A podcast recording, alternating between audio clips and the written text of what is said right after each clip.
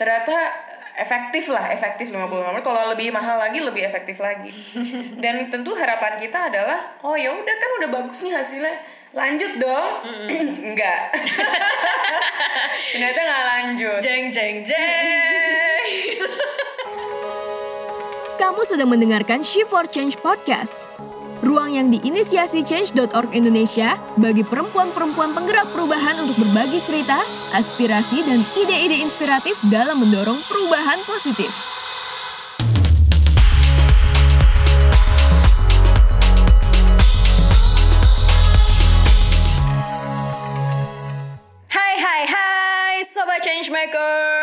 Welcome welcome welcome to our very first episode of She for Change podcast Talk show inspiratif dari Change.org Indonesia di mana kita akan ngobrol-ngobrol setiap minggunya sama perempuan-perempuan keren di balik gerakan-gerakan dan karya-karya yang merubah Indonesia ke arah yang lebih baik nih guys.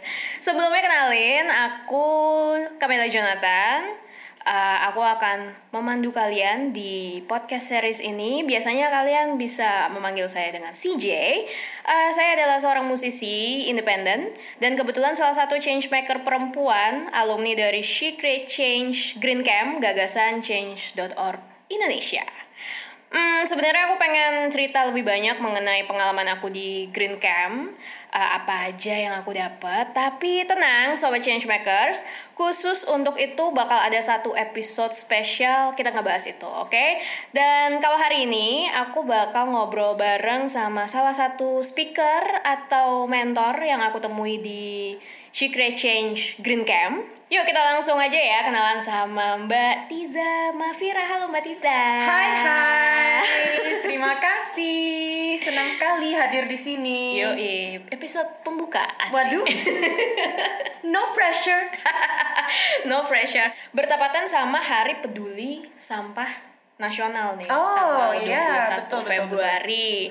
Jadi Mbak Tiza ini kemarin eh, diundang eh, jadi salah satu eh, speaker di Secret Change Green Camp ya untuk ngebahas uh, kampanye-kampanyenya karena kampanye-kampanyenya dia nih keren banget nih kemarin yang diet kantong plastik ya.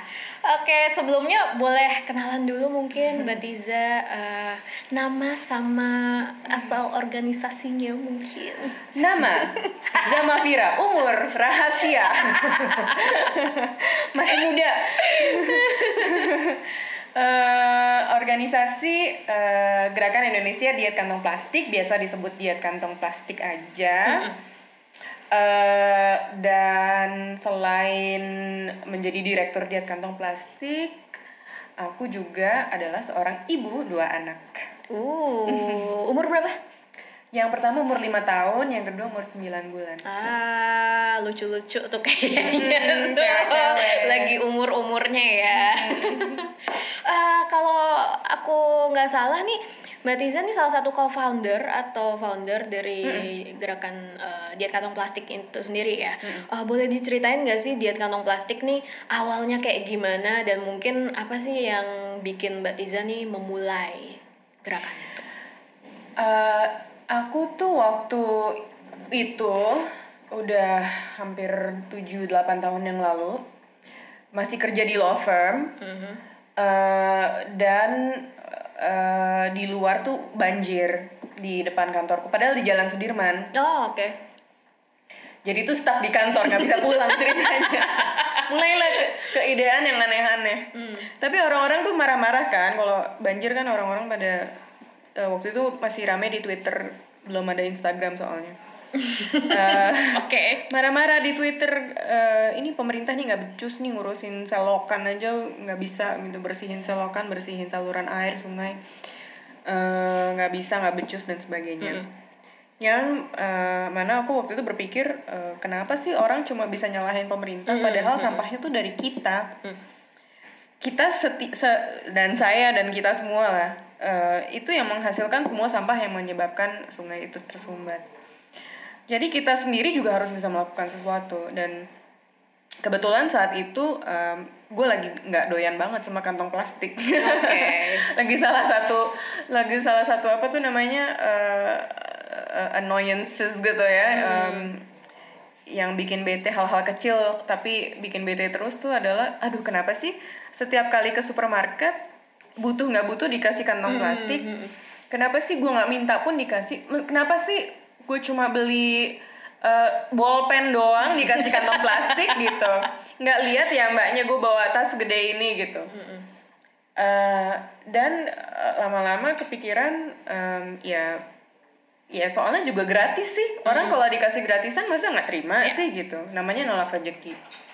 Jadi eh, aku mulai berpikir ya kenapa Indonesia kantong plastik masih gratis ketika di luar negeri udah mulai harus bayar harus bayar harus bayar gitu? Eh, dan aku bikin petisi untuk meminta supermarket untuk tidak memberikan kantong plastik secara gratis. Oke. tapi dari situ eh, petisi itu ternyata banyak em, yang merasa bisa relate, merasa bahwa em, banyak yang banyak yang ngedukung. Dan akhirnya kita eh, kumpul-kumpul gitu suatu hari Em, ada yang apa sih pokoknya aku jadi banyak kenalan. Oke. jadi banyak kenalan karena bikin petisi. Eh, ada yang ngubungin eh gue gue suka nih petisinya keren nih gue mau dukung gitu. Terus akhirnya kita sepakat untuk ngumpul suatu hari di Citos. Kopdar kopdar gitu ya. di Citos ngumpul. Terus ini mungkin kayak 10 orang gitu ya dari organisasi yang berbeda-beda tapi ada yang udah pernah campaigning ini sebelumnya Ah, see. ada yang eh, pernah ada yang pernah kerja di supermarket tapi eh, juga gemes gitu. Ada yang em, apa sih dari perusahaan cuman kayak gimana ya gue pingin ngedukung tapi gimana caranya? Akhirnya kita kumpul terus ya udah kita bikin organisasi aja yuk. Sesimpel itu ya. Nah, jadilah. Jreng jreng. diet kantong plastik I see, dari situ. Oh. Dulu tuh kalau boleh tahu dulu pas pertama kali bikin petisinya itu eh di mana dan apa yang yang yang di petisi itu apa? petisinya bikinnya di change.org eh, dan kebetulan eh, aku pernah datang ke acaranya change.org Oh, sebelum. Hmm. sebelum sebelumnya dan memang terinspirasi oleh acara itu gitu karena em, di acara itu Arif Aziz sama Usman Hamid waktu itu menjelaskan beberapa ide-ide petisi yang Hmm. udah pernah terjadi sebelumnya dan em, aku terinspirasi dengan eh, fakta bahwa oh kalau kita punya ide tuh sebenarnya bisa ya ngedorong perubahan ya gitu. Nggak cuma Ngeluh. tinggal ide aja gitu nggak cuma ngeluh Iya iya iya. tapi eh, berbulan-bulan kemudian baru kepikiran gitu. Jadi waktu itu inter internalisasi aja bahwa ngebatin aja gitu bahwa oh iya ternyata ada yang namanya change.org gitu. Eh, baru berbulan-bulan kemudian kepikiran soal ini Eh, awalnya eh, email dulu ke Arif sama Usman. Gue punya ide ini nih eh, gimana menurut kalian? gitu. Oh ya udah bikin aja gini gini tapi mereka ngasih guidance kalau misalnya bikin petisi itu harus clear kepada siapa messagingnya harus begini begini begini supaya jelas apa yang diminta dan sebagainya. Aku ikutin semua sarannya. Hmm, hmm, hmm, hmm, hmm, hmm. Eh, terus ini pas awalnya berarti ini ya eh, gara-gara hal yang relate ke semua warga Jakarta kali ya banjir. iya benar Tapi eh, kenapa bisa tiba-tiba tuh kepikirannya tuh fokusnya ke kantong plastik gitu? banyak sih plastik-plastik yang berkeliaran di luar sana dan permasalahan yang menyebabkan sumbatan-sumbatan sungai memang bukan hanya kantong plastik. Tapi kantong plastik itu yang paling nggak nggak penting menurut saya. pada saat itu yang kepikiran wah ini nih benar-benar nggak penting nih kantong plastik karena semua orang sebenarnya bisa bawa tas sendiri gitu Em, dan kenapa kantong plastik juga adalah karena supermarket tuh sebenarnya ngeluarin biaya loh setiap kali mereka ngasih Iya, kantong plastik iya. gratis masa nggak kepikiran cost ya, sih packaging cost. aku tuh penasaran banget masa sih supermarket nggak kepikiran ini biayanya bisa dihemat ya. gitu Eh, nggak mungkin ah nggak kepikiran gitu dalam logikaku yang masih agak naif pada saat itu. Pasti mereka bakalan seneng nih kalau nggak mesti ngasih kantong plastik gratis karena mereka nggak mesti subsidi kan mereka jualan aja gitu. Eh, ternyata tidak semudah itu tapi eh, memang logika prinsipnya benar gitu. Secara prinsip memang itu biaya buat supermarket. Ternyata setelah ngobrol sama supermarket mereka bilang eh, iya kita mau sebenarnya nggak ngasih gratis cuman toko sebelah kalau ngasihnya gratis semua konsumen pindahnya ke toko sebelah oh Oke. oke Convenience store is ya convenience issue ya jadinya ya. Right, right, right, right. Terus terus berarti ini kampanye diet kantong plastik tuh sebenarnya udah diinisiasikan cukup lama ya berarti ya kalau iya udah tujuh tahun lah tujuh tahun ya. Iya iya. Eh, terus eh, diet kantong plastik ini kemarin di si eh, SCC SCC Green Camp tuh jadi kasus studi kasus studi kasus yang eh, apa sangat menarik ya. Karena selama ya itu dari long run-nya itu 2000 eh berapa tuh berarti kalau 7 tahun? 2012 maaf ya matematika aku jelek ya nilainya. 2013 sih. 2012 2013 itu eh masih berjalan sampai sekarang dan itu dampaknya cukup cukup ini juga gitu. Maksudnya cukup oke juga gitu. Dan eh, kampanyenya itu kreatif gitu. Kayak kemarin macam-macam ya. Ada eh, kita mempetisi. Petisinya kan juga nggak cuman yang dari 2012 itu kan. Kayaknya Iya. ada beberapa juga kan. Iya. Uh, ada yang buat ke peritel sama rampok plastik tuh juga pernah tuh. Nah, boleh diceritain nggak nih beberapa kampanye yang nih setelah akhirnya eh kita bikin aja nih diet kantong plastiknya gitu. Apa aja sih yang akhirnya udah dilakukan gitu selama ini? Iya, petisi dan kampanye itu hanya mungkin 30% ya dari kegiatan kita. Eh, tapi itu memang penting gitu karena eh, itu adalah eh, jembatan kita ke eh, masyarakat. Kan Ya. kalau mau membangun awareness, kita harus eh, mengajak masyarakat untuk berpikir hal yang sama. Jadi petisi itu eh, ada tiga ya. Satu petisi untuk meminta eh, retailer tidak menerapkan kantong plastik ber- eh, Gratis. gratis. Yang kedua itu meminta eh, Kementerian Lingkungan Hidup untuk menerbitkan peraturan supaya em, kantong plastik eh, tidak gratis. Yang ketiga itu kepada Kementerian Keuangan. Kementerian Keuangan agar segera menerbitkan cukai. Cukai plastik yang mana memang lagi mereka kerja eh, lagi mereka godok sekarang Sekarang ya. Iya, sekarang. Detik ini juga. Setelah tujuh tahun lamanya ya. Oke oke. Terus terus. Udah masuk DPR pula. Hmm. Jadi eh, ada beberapa petisi yang eh, dan ini nggak sekaligus, jadi berjenjang. Ya. Mungkin tahun 2013 apa, tahun 2014 yang mana, tahun berapa eh, ada petisi lagi supaya momentumnya terus terjaga, supaya selalu ada di benak masyarakat bahwa eh, ada isu plastik nih, gitu. Eh, soal kampanye juga gitu, kampanye kita ada macam-macam, ada yang ngerampok plastik di Car Free Day. Hmm. Boleh diceritain nggak tuh rampok plastik tuh maksudnya gimana tuh? Namanya sangat banget. kita menjadi kriminal ya enggak Eh, eh, kalau kita ketemu orang di jalan bawa kresek kreseknya kita ambil Hmm. udah Sekalian sama Enggak. belanjaannya ya. Iya. enggak kreseknya kita ambil tapi kita tuker dengan tas guna Oke, ulang tas reusable bag dari kain Eh, terus belanjaannya kita pindahin kita balikin ke mereka. Cuman di situ selalu ada diskusi ada dialog. Soalnya kan mereka sewot ya pertama kali Iya. ngapain nih mau ngambil ngambil ini gue? gitu. Terus eh, kita jelasin bahwa ini tuh karena eh, plastik itu berbahaya bagi lingkungan. Ah masa sih? gitu. Terus iya soalnya gini gini gini. Jangan lupa dipakai ulang ya tasnya kita bilang gitu. karena em, apa kantong plastik itu sangat membahayakan bagi lingkungan.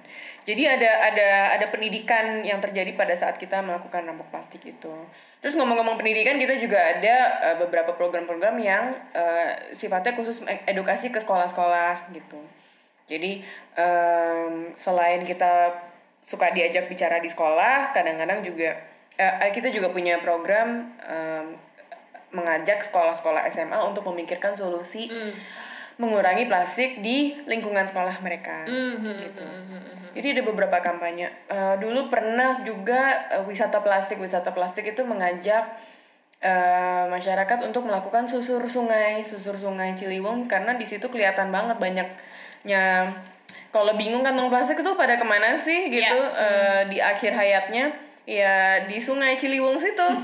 Iya, iya, iya. Coba aja kapan-kapan lu susur Eh, dan itu apa em, terpendam Ya. di tanah Mhm. di kiri dan kanan sungai di sempadan sungai itu Em, macam-macam kampanyenya tapi eh, ini semua hanya sebagian kecil dari Hmm, itu kegiatan 30% kita itu yang memang outreach ke masyarakat gitu ya. Iya. Yang 70% ya 70 persennya adalah eh, yang berdarah-darah gitu. yang berdarah-darah yang berdarah-darah. Karena kan kalau kita mempetisi eh, retailer kita nggak hanya kirim petisi aja. Ya. kita ketemuin. Mhm. kita kita ajak meeting kita eh, ajak ngobrol em, mendengarkan keluh kesah mereka tantangannya apa. Kalau ngomel-ngomel ya kita dengerin juga Eh, kita mempetisi pemerintah juga bukan mempetisi doang tapi kita meeting sama pemerintah. dan kita mem- me- me- mempresentasikan kepada mereka ini loh kalau keuntungannya untuk mengur- mengurangi kantong plastik mengurangi plastik tuh mungkin bisa begini caranya. Em, nah kita bisa bantu di di sini. Terus em, apa namanya kalau misalnya mau eh, nanti kita bisa support dengan menga- meng- de- dengan eh, materi edukasi misalnya.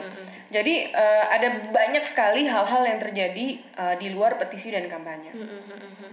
Nah, eh, kalau nggak salah ingat nih kemarin dari eh, yang diceritain sama Mas Arif Change.org Indonesia, eh ini petisinya nih startnya memang 2002 2013 ya untuk di change-nya gitu. Cuman eh, kalau nggak salah it takes berapa tahun gitu sampai akhirnya menang gitu. enam tahun Nah, enam tahun tuh apa menangnya eh, tanda tangannya ini ya me- mencapai target ya apa?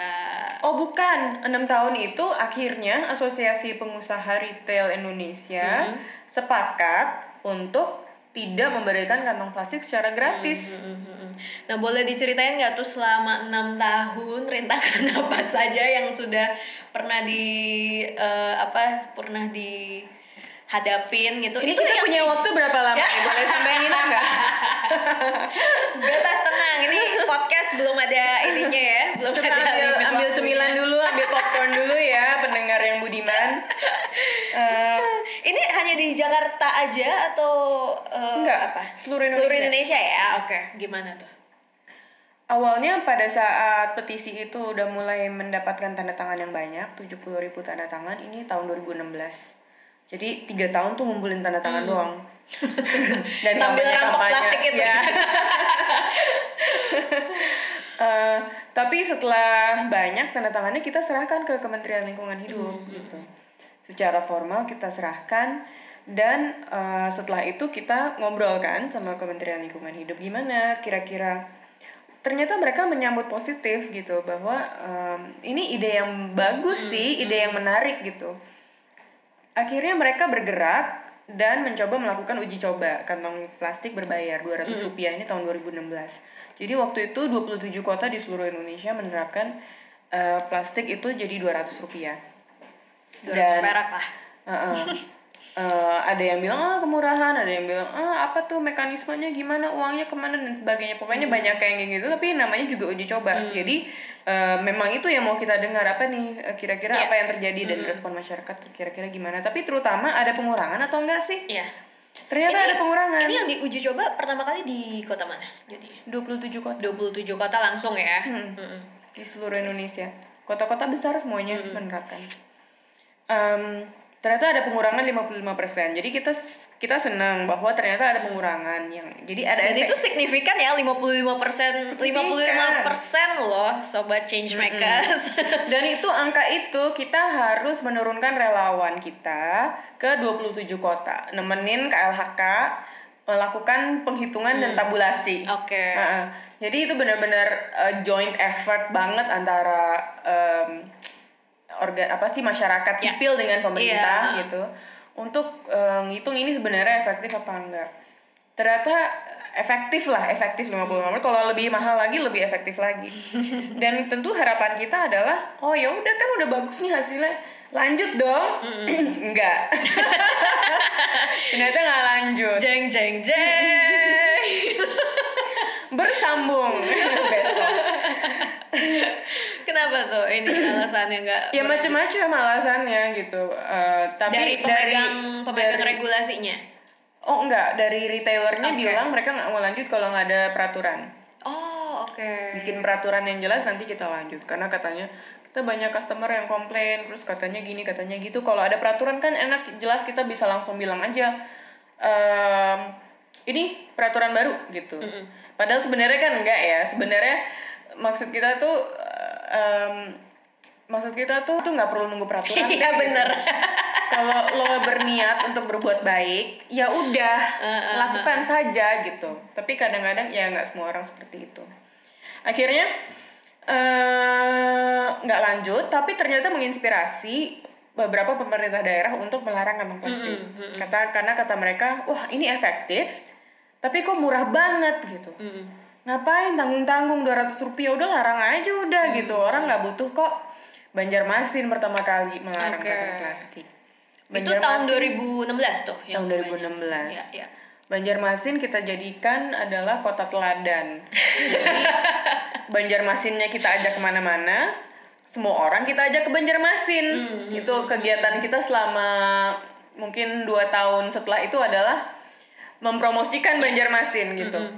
Eh, dan em, Pemda-Pemda juga banyak yang ke Banjarmasin dan akhirnya eh, mulai tuh kelihatan tuh kota-kota lain mulai ikutan. Ada Balikpapan ada Bogor eh, dan Bali. Bali ikutan. Nah Bali kan gede tuh. Bali kota gede. Terus em, mereka begitu ngeluarin peraturan gubernur melarang kantong plastik digugat Gubernurnya? Eh, peraturannya digugat Oke. digugat uji material namanya Mm-mm. eh itu tuh kayak gugatan yang mengatakan bahwa eh, pergub ini menyalahi undang-undang di atasnya gitu. Oke. Eh, Oke gitu, jadi kayak mm, gong gitu kan. Eh, tapi eh, Jeng jeng jeng lagi jeng gitu jeng ya. kedua drama kan ya. Kayak telenovela kita dramanya. Em, ya turunlah kita masyarakat kan untuk membela si peraturan ini dan memastikan bahwa eh, apa yang lawyer-lawyer yang ngerti hukum lingkungan juga terlibat di sini untuk meluruskan gitu bahwa ini pergubnya udah sesuai dengan undang-undang pengelolaan sampah dan sebagainya Itu yang dulu menggugat atas nama siapa? yang menggugat asosiasi pengusaha eh, pendaur ulang Indonesia Oh, oke. pengusaha daur ulang Indonesia Oke. karena menurut mereka kalau ini dilarang itu dilarang nanti yang didaur ulang apa gitu terus kita kayak Gimana sih? terus kita kayak eh itu masih banyak sih di sebelah sana Padahal yang dilarang itu kantong plastiknya aja ya. kantong plastik retail ya. sedotan. Mm-mm. yang nggak penting nggak penting gitu dan yang memang nilai dua daur ulangnya juga rendah Iya, iya, gitu. Mm-mm. kan selama ini yang nilai daur ulangnya tinggi ya mungkin botol ya botol botol aqua botol sampo Padahal gitu. belum sampai sana peraturannya. nggak bakal juga gitu karena itu memang pendaur apa tingkat daur ulangnya tinggi Ya. yang di yang dilarang kan memang hal-hal yang satu nggak penting-penting amat. dua alternatifnya banyak Yes. gitu. Alternatif reusable-nya tuh banyak dan dan eh, murah tersedia affordable. Kalah mereka kalah. Jadi Oke. Bali menang. Eh, Bali menang dan setelah itu eh, akhirnya setelah tujuh tahun Aprindo Asosiasi Pengusaha Retail bilang oke lah kita terapkan eh, kantong plastik berbayar. Nggak pakai peraturan. Jadi mereka nggak nunggu peraturan nasional. Maksudnya tadinya mereka nunggu Yang tadinya peraturan dia menteri. meminta itu ya. Minta peraturan menteri dong buat ini ini ini, ini. eh, peraturan itu kan nggak keluar keluar tuh tapi mereka jalan sendiri gitu. Akhirnya setelah beberapa kota sekarang udah ada 22 kota yang melarang kantong plastik. Hmm. jadi setelah banyak kota melarang akhirnya mereka memutuskan untuk menerapkan lagi tuh kantong plastik berbayar dan kita eh, bisa mengatakan itu akhirnya petisinya bisa dikatakan menang. Hmm, hmm, hmm. Eh, tapi di samping itu gue juga dalam hati tuh kan gue bilang juga apa nggak usah nunggu peraturan kan bisa kan lo sepakati aja sendiri ini sebenarnya bisa terjadi mungkin eh, lima tahun yang lalu enam tahun yang lalu Iya, iya. kalau mereka sepakat aja di dalam organisasi mereka gitu bahwa Mereka kasih ini nggak statement nggak kenapa akhirnya mereka menetapkan itu? Oh ya, masih statementnya karena mereka Peduli bahwa lingkungan eh, masalah plastik sudah darurat dan sangat mengkhawatirkan. Oke. Ya, we'll take that, we'll take that. Yeah, we'll Ya, take ya. it. We'll take it.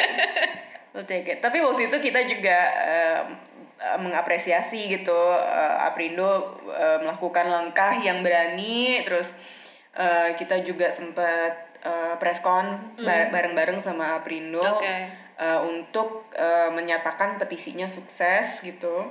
Jadi itu juga salah satu contoh eh, civil society masyarakat sipil bekerja sama dengan pelaku usaha gitu bahwa itu sebenarnya eh, bisa bareng-bareng menimbulkan satu perubahan. Yang masif ya masif. Soalnya ini semua retail kan? Semua gerai di seluruh Indonesia langsung iya. menerapkan ini jadi itu masif. Hmm. Berarti eh, kampanye, eh, kampanye un- petisi untuk yang itu menang nih, ya kan? Petisi yang dua lagi masih dalam tahap advokasi ya. yang kita lagi tunggu adalah cukai. Hmm. cukai kantong plastik karena eh, Kemenkeu juga masih ngedorong terus. Eh, dan kabarnya sih udah tahap-tahap final jadi eh, kita masih nunggu tuh. Eh, bisa nggak kita em, declare eh, menang lagi nih petisinya nih yang petisi cukai gitu. petisi cukai itu menarik karena awal-awalnya pas kita bikin petisi itu em, yang tanda tangan dikit banget. Yang tanda tangan dikit terus naiknya juga sehari mungkin satu gitu. Terus eh, mungkin dua tahun yang lalu ada eh, paus ikan Iya, paus di iya. Wakatobi. Itu mati kan terdampar terus pas dibelek per- perutnya tuh ah, isinya plastik 6 kg plastik. Plastik kantong plastik ada botol ada segala macam lah. Terus kita update petisinya kita pasang berita itu langsung melonjak tuh. Langsung melonjak kayak jadi langsung sejuta apa ya? sejuta tanda tangan dalam waktu seminggu gitu. Jadi em, kadang-kadang tuh memang orang tuh butuh diingatkan ya kenapa sih kita eh, melawan plastik Iya, gitu? heeh. apa sih gunanya gitu? Dan em, bahayanya apa sih? Bahayanya udah sangat kasat mata sebenarnya dan eh, jauh lebih mengerikan daripada yang terbayang sebenarnya Iya, iya, iya, iya. Eh, terus balik ke soal banjir nih. Karena awal tahun ini kita Jakarta, warga Jakarta kena banjir juga nih. Mm-mm. Jabodetabek malah ya banjirnya gila-gilaan gede-gedean gitu kan ya eh kemarin kan sempat jadi sebuah eh, heboh juga tuh di media sosial gitu. Aku pengen tahu opini dari Kak Tiza nih. Eh, ini kan ada yang ngasih opini di si netizen netizen ini kan ada yang ngeluh ya kan? Ada yang eh, disuruh bersabar. Ini cobaan gitu kan. Sambil nguras gitu ya kan oh sambil God. nguras ini ini cobaan terus ada yang disuruh introspeksi gitu kan Oh, oke. Ada yang- Jangan-jangan ini adalah azab. Ah, kayak gitu gitu kan ada juga yang eh, apa ber ber inilah maksudnya teriak lah kan teriak nulis lah nulis eh, mencecar salah satu figur lah ya yang punya kuasa dan segala macam aku pengen tahu opini dari Kak Tiza ini sendiri nih apa menurut Kak Tiza? Maksudnya kalau aku pribadi nih ya kalau aku pribadi eh it's apa it's a wonderful thing ketika kita bisa berpikir eh, oke kita introspeksi nih gitu dan kita mencari apa ya yang bisa aku lakukan selain mengeluh gitu kan ya. Tapi kan ada eh, apa namanya kita action individual itu kan ada batasnya juga nih ceritanya gitu kan. Nah menurut Katiza gimana? Em, soal banjir ya, banjir yang kemarin tahun dua eh, tanggal 1 Januari itu em, membuat membuat aku ngeri banget sih. Ya, dan mengawali tahun tuh dengan sangat Hmm. sangat lu- lumayan emosional Yes, gitu ya. yes. Karena penyebab ya salah satu penyebab banjir, salah satu ya adalah ternyata tuh curah hujan terbesar paling intens yang pernah dialami oleh Jakarta Mhm. dari sejak Mhm.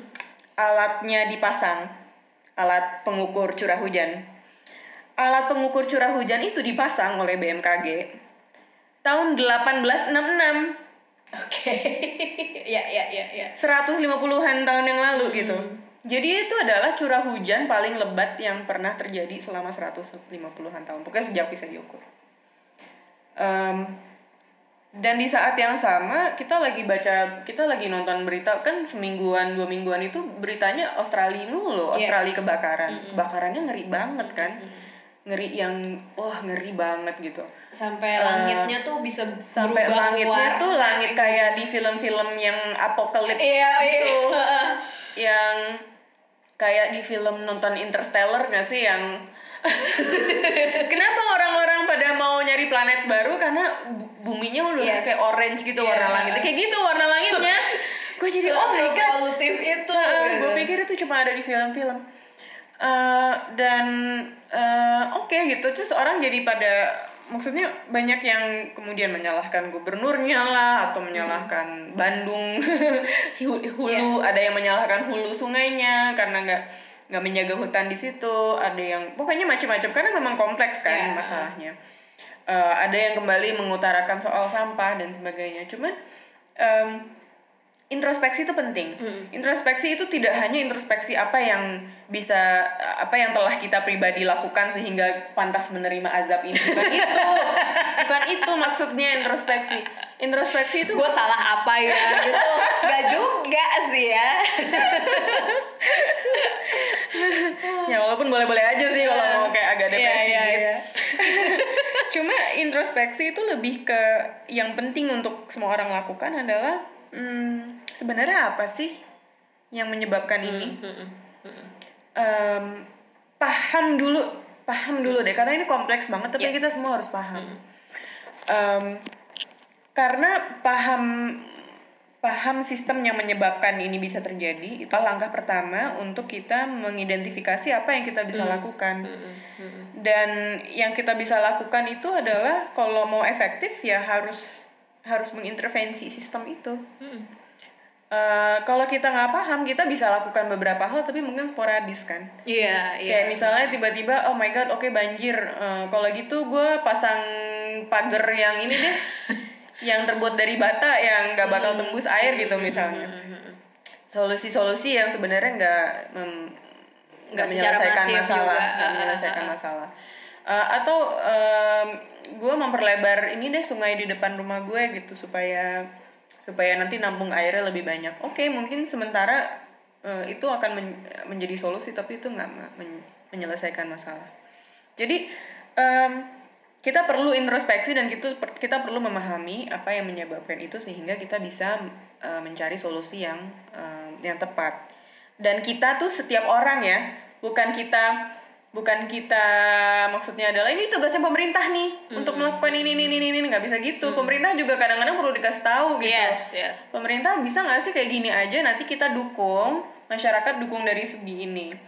Eh, pelaku usaha dukung dari segi apa? Pemerintah melakukan apa? Kalau semua berkolaborasi bersama bisa ada perubahan yang signifikan tapi harus strategis gitu Iya, iya, harus iya, benar iya. solusinya Mm-mm. Jadi nggak bisa yang sekedar oke introspeksi diri terus besok-besok aku nggak mau buang sampah sembarangan gitu. Tapi ya nggak berhenti sampai situ aja gitu kan. benar benar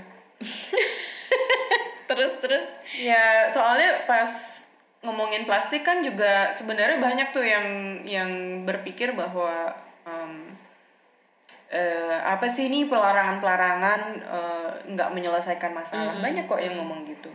Terutama dari pihak yang memang merasa dirugikan gitu. Mm-mm. Em, tapi eh, ini adalah intervensi yang strategis. Mm, mm-mm. memang masalahnya bukan cuma kantong plastik, tetapi em, kantong plastik itu salah satu masalah dari sekian banyak masalah yang berantai. Mm, mm-mm. Jadi kita memutus eh, satu masalah Salah satu, ini mm-mm. hilang nih satu masalah gitu. Dan seharusnya memudahkan masalah-masalah lain itu juga bisa diatasi. Saya kasih contoh ya. Eh, kantong plastik kan susah nih di recycle. Kita hilangin kantong plastik. em, eh, harapannya adalah kemudian em, yang eh, plastik-plastik yang nilainya tinggi itu lebih gampang untuk disortir gitu. Eh, ada cerita menarik nih dari eh, salah satu pabrik recycler. Jadi kalau pabrik daur ulang tuh eh, mereka tuh sampahnya di kayak ditaruh di ban conveyor belt, Ya. conveyor belt jadi ban bergerak gitu. Terus em, terus mereka tuh kayak ada tangan-tangan mekanik gitu yang ngambil yang nyortir plastiknya. Jadi botol, botol ada yang ngambil botol-botol botol taruh mana, ada yang ngambil apa-apa taruh mana. Ternyata kantong plastik tuh sering bikin si conveyor belt Oke. ini macet heeh. gitu loh. Karena eh, ya bentuknya kayak gitu kan fleksibel, gitu, berbelit-belit gitu. Iya, iya. Eh, jadi dia tuh seneng kalau nggak ada kantong plastik dia lebih lancar gitu ininya kayak gitu gitulah jadi em, ada ada eh, si pelarangan pelarangan ini tuh adalah hasil dari pemahaman kok. Pemahaman terhadap sistem yang lebih besar. Dan sebenarnya eh, kalau menurut aku orang-orang yang apa ya meng inilah maksudnya berteriak kepada pemerintah halo halo halo gitu sebenarnya nggak nggak salah juga sebenarnya gitu Nggak. kan. Karena eh, di satu sisi memang pemerintah itu punya power untuk eh, apa namanya me- me- meng- apa menerapkan regulasi yang nantinya eh, apa cukup ini kita bergerak sesuai dengan desain eh, regulasi tersebut gitu Iya, kan. benar-benar. jadi eh, makanya kemarin aku sempat bingung sebenarnya gitu kan. Ada yang ada yang ya disuruh sabar tapi yang yang yang sabar ini juga marahin yang marahin gitu. Oh. Kok lu nggak sabar tadi jadi sih? mungkin dia labil ya. Sabar tapi marah. Bingung dia udah nggak usah nyalain orang lain kita introspeksi diri. Oke. Baiklah benar-benar ya apa eh, kita mengkritik pemerintah itu penting. Penting dan ini demokrasi jadi harus dipergunakan eh, hak itu. Jangan take it Iya, for iya, iya, granted. iya. Karena kita punya privilege sebagai negara demokratis untuk bisa menyuarakan eh, kritik terhadap pemerintah. Tapi kritik itu beda dengan kayak marah-marah nyalahin. yes. Yes marah-marah nyalahin itu kurang efektif. It's okay punya hak untuk melakukan itu tapi kurang efektif. Mm-mm. kalau mau efektif pahami masalahnya kasih kritik yang membangun yang konstruktif gitu. Supaya karena pemerintah juga hmm, sebenarnya em, juga punya niat baik kok kan? Dan kalau mereka diberi ide-ide yang bagus ada yang masuk kok. Mm-mm. dan eh, apa awal eh, setelah setelah bencana itu terjadi azab itu terjadi. Eh, sebenarnya kita eh, menyambut berita yang cukup meng ini juga ya maksudnya berita yang cukup baik juga gitu. Karena adanya penerapan eh, adanya penerbitan pergub baru nih dari gubernur Jakarta nih soal eh, pelarangan plastik ya plastik sekali pakai ya nih. Mm-mm. Eh, menurut Kak Tiza gimana tuh? Wah itu sih berita yang kita sambut baik banget. By the way berita itu bukan jadi pergub itu bukan muncul karena banjir. Jadi ada banyak orang Tapi berpikir pas ya momentumnya pas, banget ah. gitu. Sebenarnya pergub itu ditandatangan sebelum banjir, Hmm. cuman baru muncul ke media tuh setelah setelah banjir. Itu Hmm, masih baru di baru diumumin setelah banjir. Em, jadi kadang-kadang orang berpikir oh ini, ini, ini," gitu, cuman sebenarnya nggak nggak nggak nggak bermaksud untuk menyambungkan kedua hal Hmm, itu Eh, pergub itu udah digodok udah dua tahun Eh, kan dan kita tahu karena kita diajak untuk eh, memberi input eh, mem- apa konsul melakukan konsultasi Ya. publik bareng-bareng. Terus em, eh, melakukan riset juga survei dan sebagainya.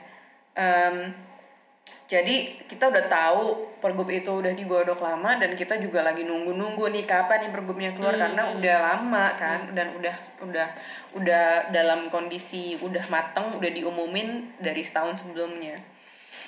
Em, jadi pas keluar ya udah namanya rasanya tuh kayak ngelahirin anak gitu.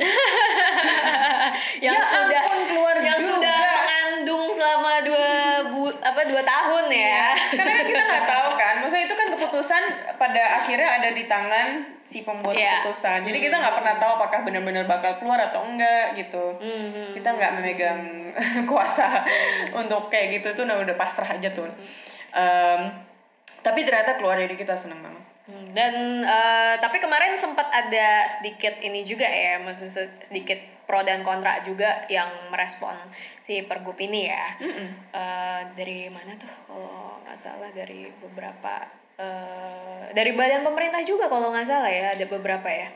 Perwakilan. of course karena ini Jakarta dan kita udah mengantisipasi itulah. Maksudnya eh, walaupun udah 20 kota di Indonesia yang melarang kantong plastik tapi Jakarta adalah ibu kota. Jadi apa pun yang Jakarta lakukan dampaknya mungkin lebih besar.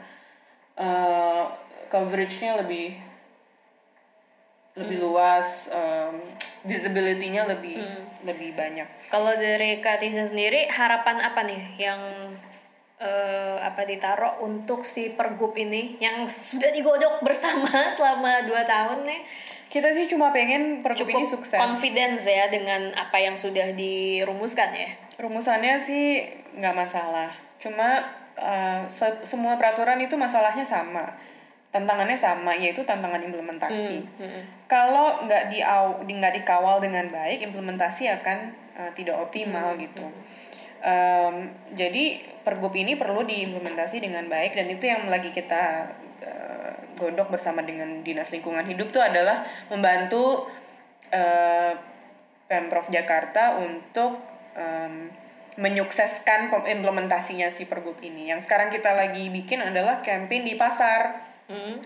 Campaign di pasar namanya pasar bebas plastik. Terus kita lagi mulai di pasar Tebet Barat. Eh, kita mau Di bikin hari ini ya program. di tanggal 21 Februari ya. Iya, baru launching hari ini pasar bebas plastik yang pertama di Jakarta eh, dimulai dari pasar Tebet Barat. Sebenarnya bukan bebas plastik bebas plastik amat sih, tapi menuju lah Ya. gitu. Eh, minimal kantong plastik dulu ya yang di phase out. Em, dan kenapa kita milih pasar? Karena selama ini pasar jarang diperhatikan. Iya. Kasian. Pasar tradisional ya ini ya. pasar di tradisional ya. biasanya kan campaign di supermarket gitu. Eh, kalau kantong plastik supermarket gitu. Pasar tuh jarang. Jadi eh, kita bikin program di situ itu sekalian pendampingan training ke pedagang pasarnya. Sekalian em, apa? Ya kayak eh, megang tangan apa gandeng mereka Iya. lah gitu. Supaya mereka tuh nggak kebingungan ketika mereka nggak bisa lagi pakai kresek tuh pakai apa gitu.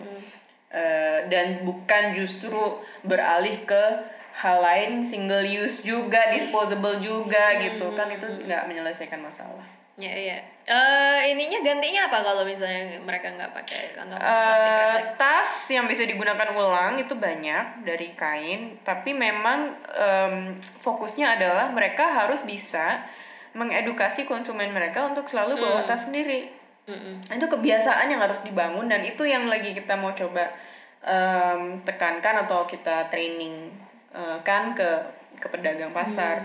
Bukan soal alternatif kadang-kadang orang tuh memang karena saking gampangnya kantong plastik selama ini jadi begitu dilarang mereka langsung mikir oke alternatifnya apa saya mau dikasih apa gitu kasih tahu aja nanti saya pakai deh mau kertas mau apa gitu Hmm. padahal tuh nggak nggak nggak semudah itu dan bukan itu solusinya iya. solusinya adalah reusable Jadi kalau reusable, mindsetnya harus berubah Hmm, gitu, bukan hanya barang yang berubah. Nah, mindset berubah itu kan lebih susah. Mm-mm.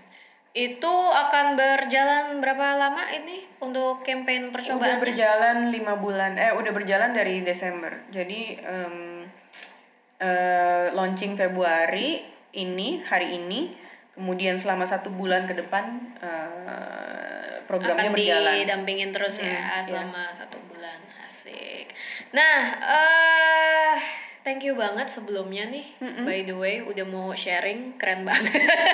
Banyak loh itu aku yakin eh, cerita-cerita soal campaign diet kantong plastik masih banyak banget karena Bo 7 tahun ya. Tujuh tahun yang sungguh penuh dengan perjuangan.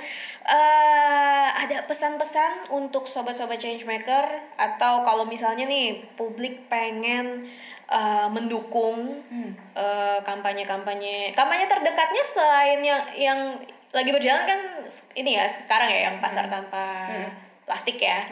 Eh, ke depannya mungkin satu bulan ke depan aku dengar sampai hari Earth Hour tuh Earth Iya. Day itu sebenarnya lagi ada lagi ada campaign panjang berjalan juga dari diet kantong plastik. Iya, jadi eh, ada ini pasar bebas plastik, eh, terus eh, ada launching film, cia. ada film eh, yang akan launching pas Earth Day, iya. Oke. Eh, nanti kita umumkan. Siap, siap, siap. Masih Kita adakan screening. Masih, masih dirahasiakan. Enggak kok nggak rahasia. Filmnya namanya Story of Plastic. Em, ini film yang sangat sangat sangat sangat sangat penting eh, dan akan merubah perspektif kita semua terhadap masalah plastik. Eh, termasuk aku juga waktu aku nonton. Eh, terus em, apa yang bisa dilakukan? Eh, yang konkret banget nih ya. Datang yuk ke pasar Tebet Barat Oke. belanja-belanja di sana tapi jangan lupa bawa tas belanja sendiri untuk memberi semangat ke pedagang-pedagang Yes. di situ Yes. karena eh, pedagang-pedagang di situ udah eh, berupaya keras nih eh, iya. untuk eh, mengubah kebiasaan mereka tapi itu hanya akan sukses apabila pengunjung-pengunjungnya juga em, semangat eh, membawa tas belanja sendiri. Mm-mm. Kalau misalnya kita nggak ini nanti ah males ah kayak ribet ribet ribet. Soalnya konsumennya juga nggak mau ikut nggak mau dengar atau gimana kan juga ya sia-sia jatuhnya kan Iya. ininya siap. Eh, terus eh, kalau misalnya mau tahu lebih lanjut ngikutin eh, kampanye-kampanye dan program diet kantong plastik ya mungkin di medsos bisa Bisa. di follow kita di Indonesia Diet Kantong Plastik singkatannya IDDKP. IDDKP ya. IDDKP eh, di Instagram eh, paling aktif kita paling aktif di situ. Eh, dan eh, aku pribadi eh, kita nggak suka huruf vokal ya. oke Aku pribadi akunnya TZMFR. Oke. Ribet banget, sebel gak sih? Search aja Tiza Mafira nanti ketemu kok. siap siap Tiza pakai T I Z E ya Iya, berarti. T-I-Z-A. oke ini juga aku rekomendasikan banget juga nih untuk follow karena eh, Mbak Tiza juga sering banget ya maksudnya eh, share hal-hal yang sangat informatif. Nggak cuman soal eh, kantong plastik aja. Jadi eh, banyak yang bisa dipelajarin. Aku juga ngerasa beruntung banget nih bisa kenalan Mbak Tiza melalui She Create Change karena eh, gila ya otak gua kurang nyampe sebenarnya. Waduh. Jadi banyak yang harus dikejar dan dipelajari. Bisa aja. Eh, jangan lupa kita bakal hadir lagi eh, minggu depan di episode kedua. Jadi stay tune terus di She for Change podcast. Sampai ketemu lagi. Bye bye. Bye. Dengerin terus She for Change Podcast bersama saya CJ. Karena semua orang bisa membuat perubahan.